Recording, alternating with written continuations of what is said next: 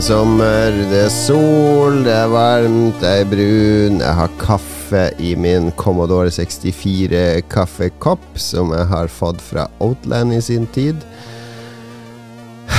Alt er bra i Lolbua nå i et par uker fremover, for nå får du bare høre min stemme. Lars er på ferie.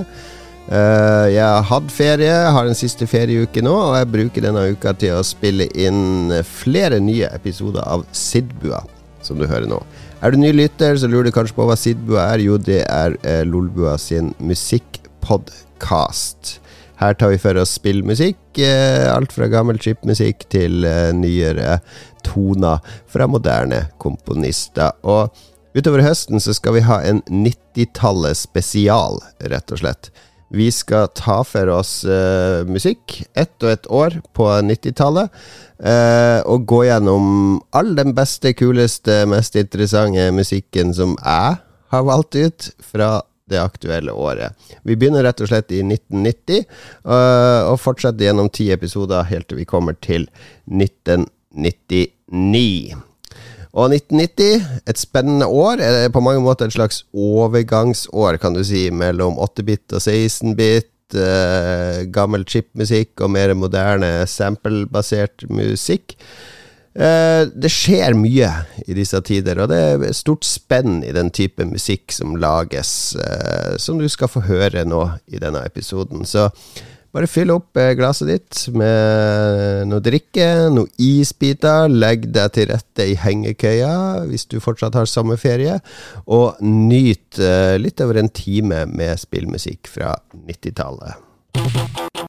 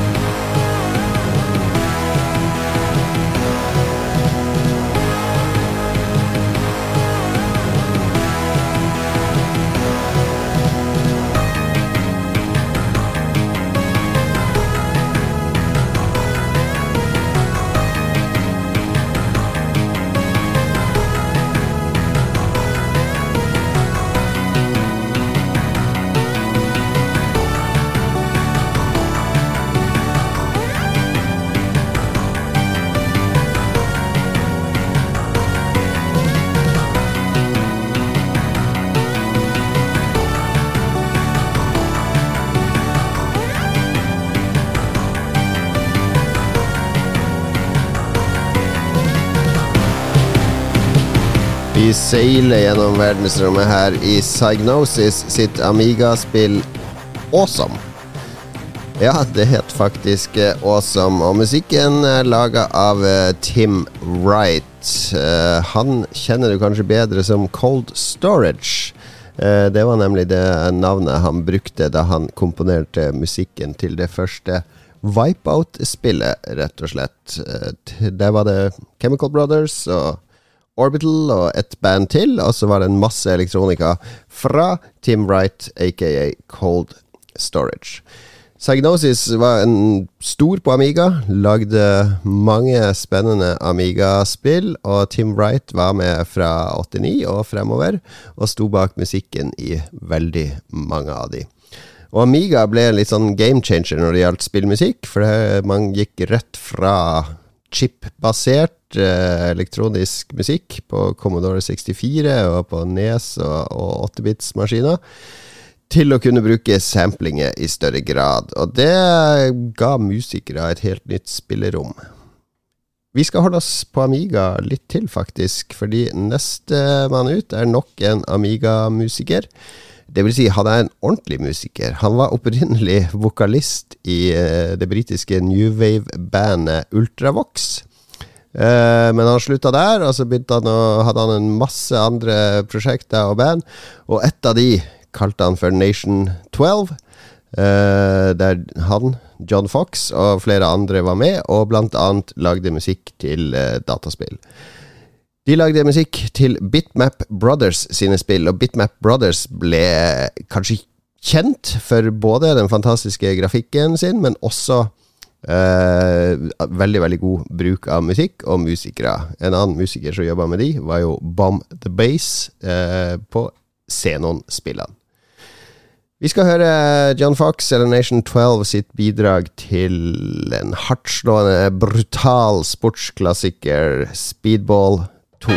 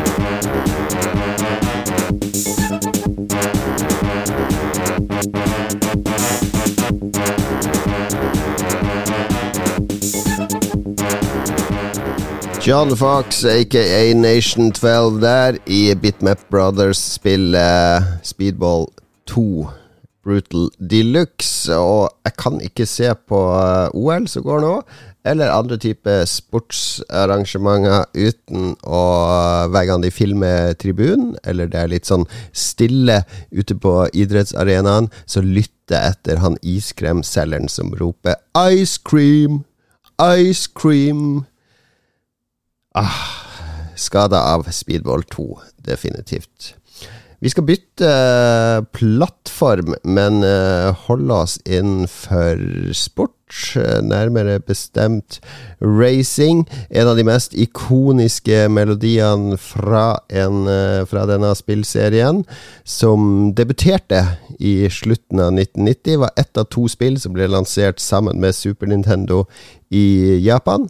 Det andre var Super Mario World, og det spillet vi skal høre musikk fra nå, var selvfølgelig F-Zero.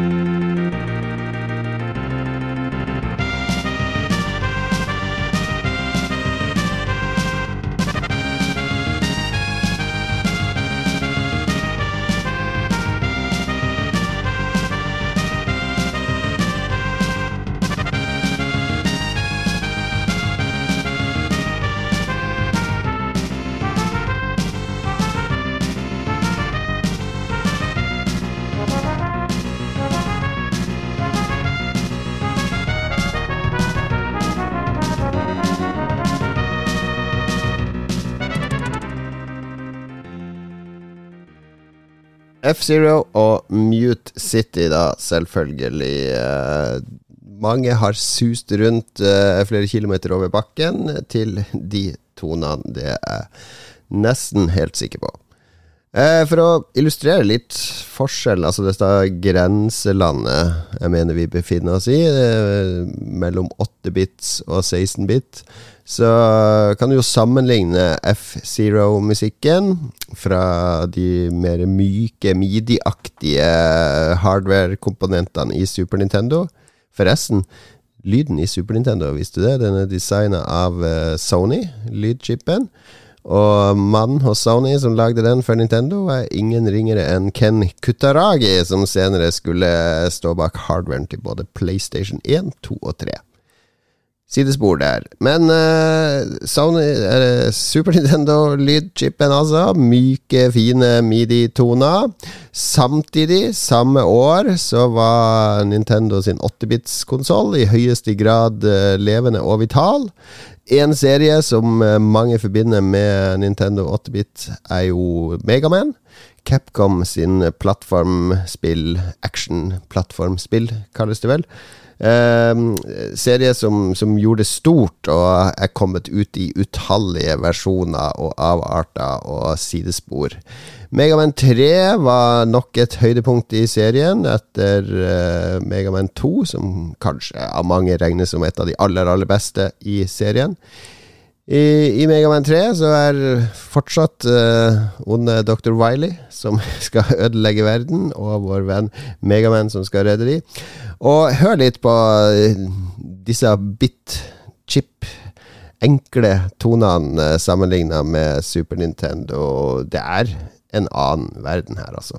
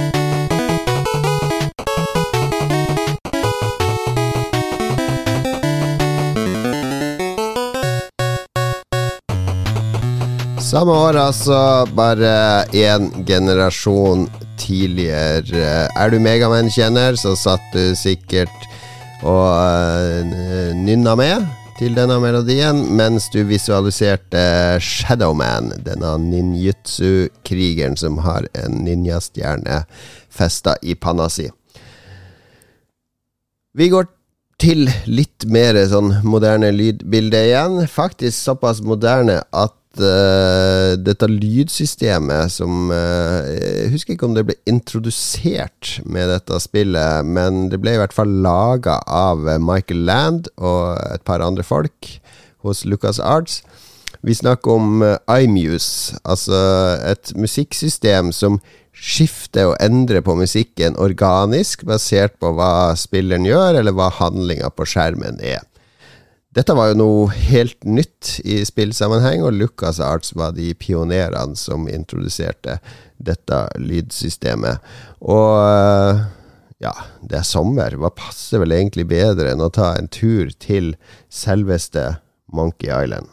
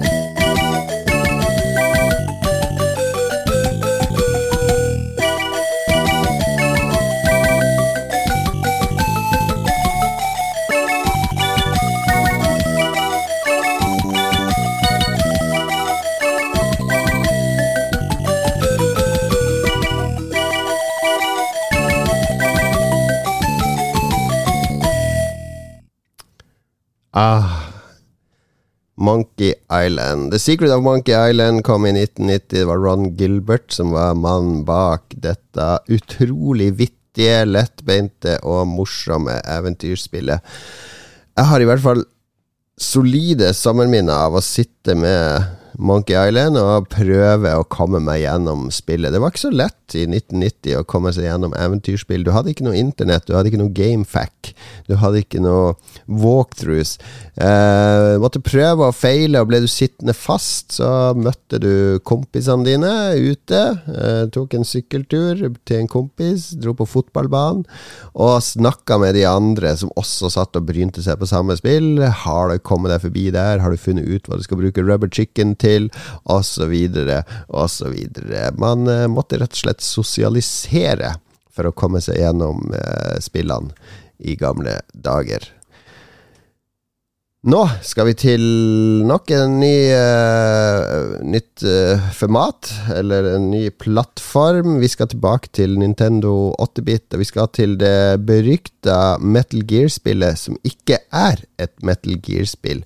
Vi snakker om Snakes Revenge, uh, ble laga til Nes, gitt ut i 1990, og er ikke et Det er ikke laga av Hidio Kojima fordi han hadde lyst til å gjøre noe annet på et annet format. Så da satte Konami jobben til noen andre ansatte.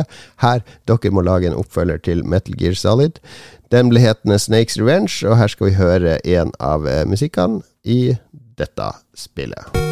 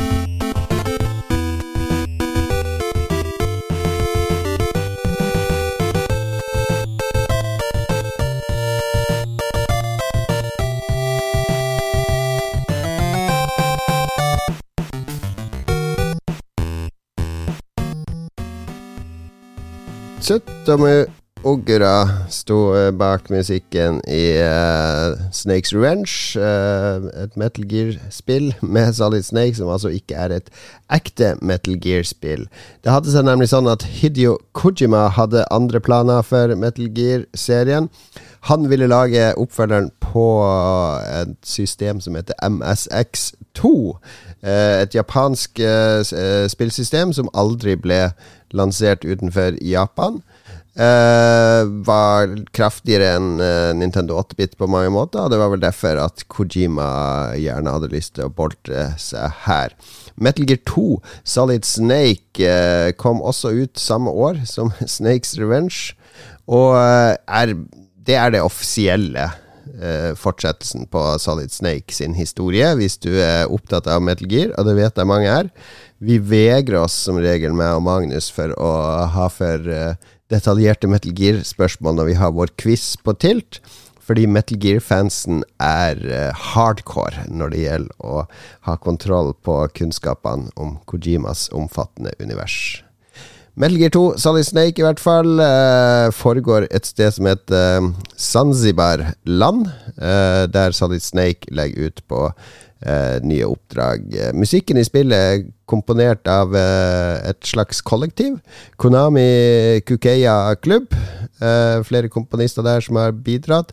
Og eh, den er eh, meget bra til å være MSX2-musikk. Eh, Kojima fikk de til å lage en ekstra lydchip som er med i spillkassetten eh, som gjør at lydbildet blir eh, rett og slett helt strålende. Vi skal høre på låten 'Zanzibar Land' fra Metal Gear 2 Solid Snake.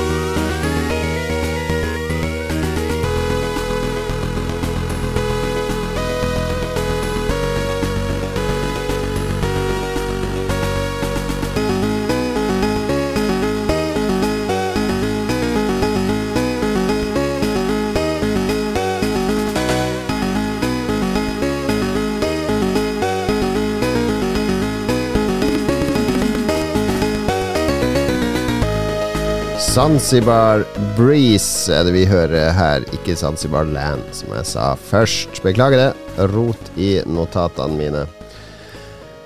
Nå skal vi over til eh, reality-TV. Nei, jeg snakker ikke om eh, Paradise Hotel og Ex on the Beach, som er det vi har fått av eh, reality-TV. Hva skjedde egentlig med reality-TV? Fordi på 90-tallet, 80-tallet, så ble vi lova via f.eks.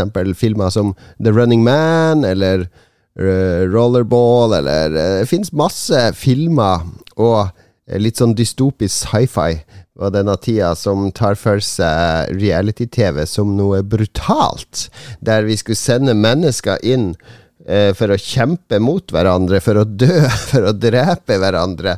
Eh, I stedet så ble vi da avspist med disse solariumsbrune unge folkene som skal lage drama og ligge med hverandre overalt i verden. Jeg vil ha den reality-TV-en vi ble lova på 80- og 90-tallet. Gi meg det i dag. Og hvis jeg ikke kan få det i ekte form, så får vi ta til takke med dataspillvisjonene av fremtidens reality-TV. Vi snakker her om arkadespillet Smash TV, laga av selveste Eugene Jarvis. Et av de mest populære arkadespillene eh, i 90 og 91. Eh, brutalt overlevelsesspill, laga i samme ånd som Robotron, eh, som også Eugene Jarvis står over. Vi hører her på Smash TV.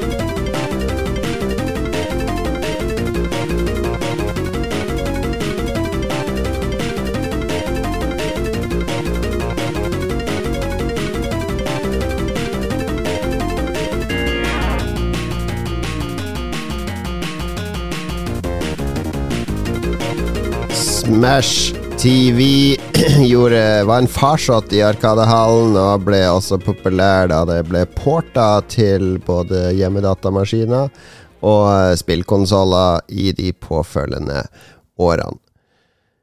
90-tallet byr på mye rart. Det skal vi få høre i senere episoder av uh, Sidbua, der vi skal, kommer til å ta for oss uh, påfølgende år. Nå er det 1990 de handler om, men en sånn indikasjon på hva vi har å vente.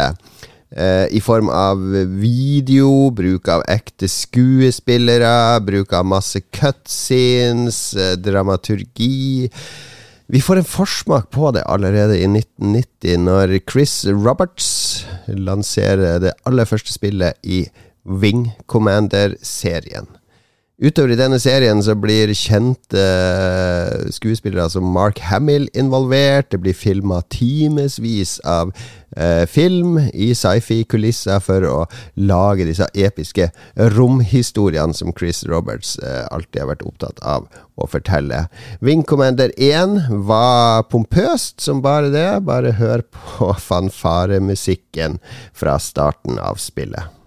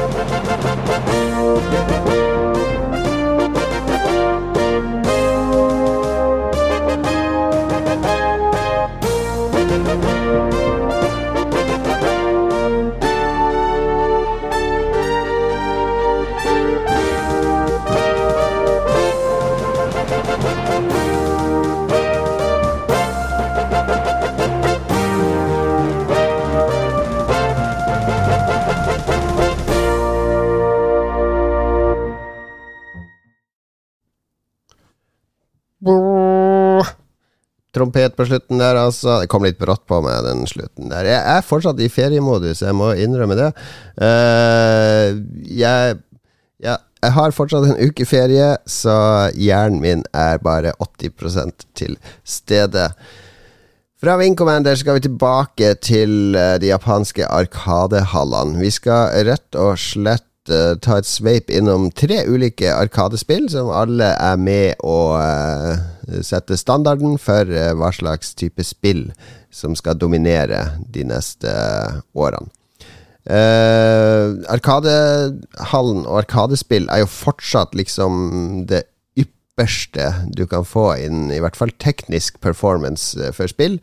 De overgår det som er mulig å skape på hjemmekonsollene og på datamaskiner. Uh, og selskaper som Namco og Konami er, og Sega er store, rett og slett, når det gjelder å lage arkadespill. Et spill som uh, eh, dukka opp ut fra intet for min del. Uh, hadde egentlig ikke det på radaren i det hele tatt når det gjaldt spillmusikk, men så, så hørte jeg på ending-musikken. Det er et racingspill fra Namco. Uh, på mange måter kanskje en forløper på hva vi har i vente når Ridge Racer skal komme om noen år og virkelig dominere Arkadehallene sammen med Sega Rally. Final Lap-serien er ikke like kjent som Ridge Racer. Det er Namco sine forsøk på å lage Formel 1-spill, rett og slett. Og i Final Lap 2 så kan du kjøre på fire baner, eh, deriblant eh, Monaco eh, i en Formel 1-bil, og prøve selvfølgelig å slå både klokka og de andre datastyrte bilene. Selve spillet har egentlig ikke noe musikk mens du kjører, men det har en veldig sånn behagelig sommerlåt eh, som den ene ending-låten. La oss bare legge oss tilbake i hengekøya igjen, hvis du har vært ute og, og fylt opp eh, glasset ditt. Legg deg godt tilbake i hengekøya, lukk øynene, og så hører vi på litt over ett minutt med ending B fra Final Lap 2.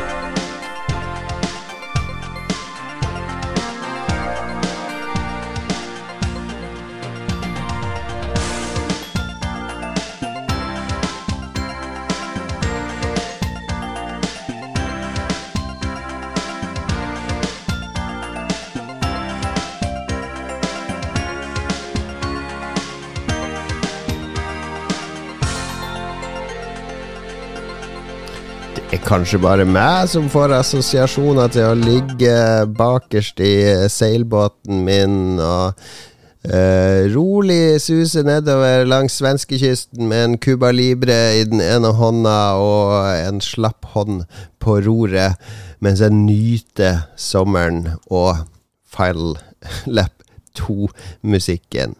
Det er kanskje bare meg. Men nå er det deg òg. Nå har jeg innvia deg i mine fantasier. Og en fantasi, eh, eller en, en sci-fi-film eh, som skulle prege veldig mange dataspill og spillutviklere, var uh, James Cameron sin film fra 1986, nemlig Aliens. Du finner spor av aliens i veldig, veldig, veldig mange sci-fi og actionspill uh, de siste 30 årene. Uh, alt fra radaren de bruker, altså den sensoren for å se hvor nært fiender er, til førstepersonsperspektivet fra hjelmkameraene, til våpen, eh, til og med altså til estetikk eh, i omgivelser. Spillutviklere har lånt og latt seg inspirere vilt av aliens. Så også Sega, som ga ut et arkadespill som heter Alien Storm i 1990.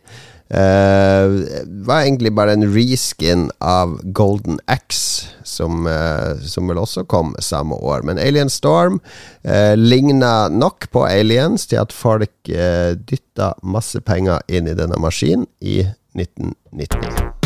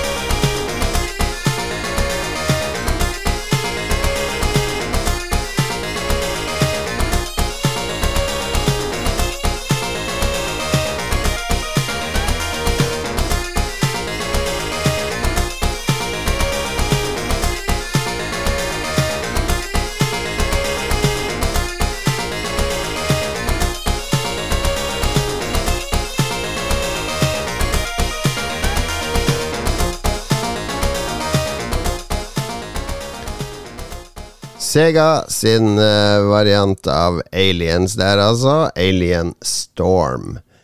Vi skal holde oss i Arkadehallen uh, et spill til. Vi skal til Atari, som også uh, var ivrig på å lage arkademaskiner. Vi skal til et spill som vi må kunne si er sterkt inspirert av Tetris.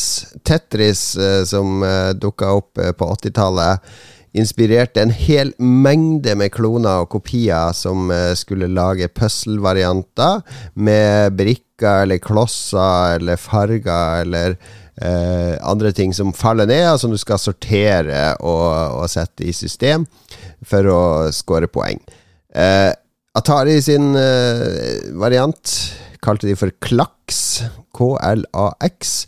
Og, og et spill der uh, fargeblokka kommer nedover et samlebånd, og så skal du stable de sånn at uh, farger uh, Du får fargekombinasjoner, rett og slett. utvikleren sa i et intervju at ja, det var en blanding av Tetris og Tre på rad. Uh, og navnet Klaks kommer av lyden som disse brikkene lager når de lander oppå hverandre, rett og slett. Kul uh, title tune, som det heter på fint engelsk til dette spillet. Og legg merke til den litt uh, hissige og aggressive bruken av sampling av ordet klaks. It is the night, and there is time for clack. Clack. clack.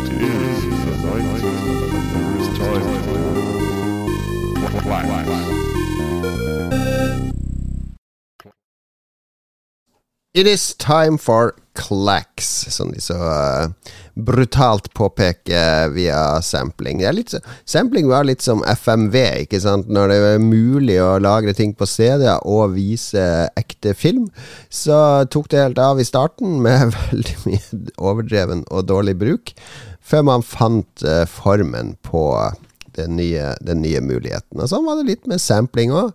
Mange som brukte, eller misbrukte, kan vi kanskje si, sampleren på denne tida. Doktor Mario er kanskje ikke det du tenker på når du tenker på den beste spillmusikken fra 90-tallet, men Famitsu, det japanske spillmagasinet, klarte på et eller annet måte å kåre Doktor Mario til eh, Eller å gi det prisen for best musikk slash lyd eh, i sin oppsummering av året 1990. Og ja vel, da får vi vel bare høre på Famitsu og si greit nok. Her er Doktor Marios tittelmelodi.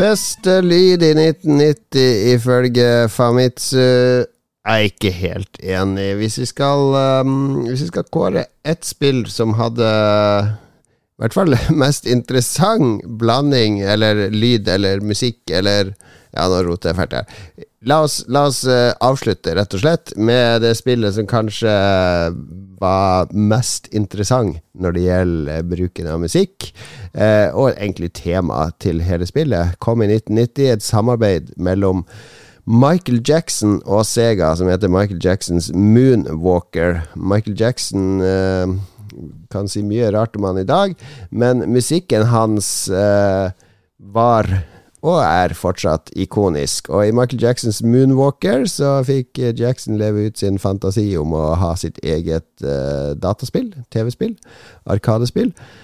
Uh, med seg sjøl i hovedrollen, og spillet brukte også Michael Jackson sin musikk uh, på de ulike nivåene. Altså chip, midi, spillmusikkversjoner av Jackson sine låter. Det er ikke eneste gang Jackson har vært med i dataspill. Han var også med i Space Channel 5, og det er til og med eh, omfattende konspirasjonsteorier på nettet om at han egentlig lagde sto bak musikken til Sonic 3. Det kan du google deg fram til sjøl etter denne eh, podkasten er ferdig. For vi avslutter nemlig med Michael Jacksons Moonwalker. Og det kan vi ikke gjøre uten å takke alle som har bidratt. Eh, først og fremst alle på Patrion, som hjelper oss med penger, og som gjør at vi kan kjøpe utstyr og investere i ting og lage et produkt for dere hver eneste uke. I tillegg så vil jeg gjerne takke Stein Pedersen, som har laga introlåten til Sidbua. Eh, vi lager litt for få Sidbua, jeg skulle gjerne laga enda flere, men nå har jeg ti stykk lina opp utover høsten. Likte du denne episoden, og gleder du deg til 1991-episoden, eh, så er det bare å ta kontakt på Lolbua Entourage, vår Facebook-gruppe, eller sleng en melding til oss på Twitter eller andre steder, og foreslå musikk fra spill som ble lansert i 1991, som du gjerne vil ha med i neste episode av eh, Sidbua. Sidbua kommer ut neste uke òg. Da blir det altså 1991. Kom med dine forslag til spillmusikk fra det året som du vil ha med i episoden. Fortsatt god sommer.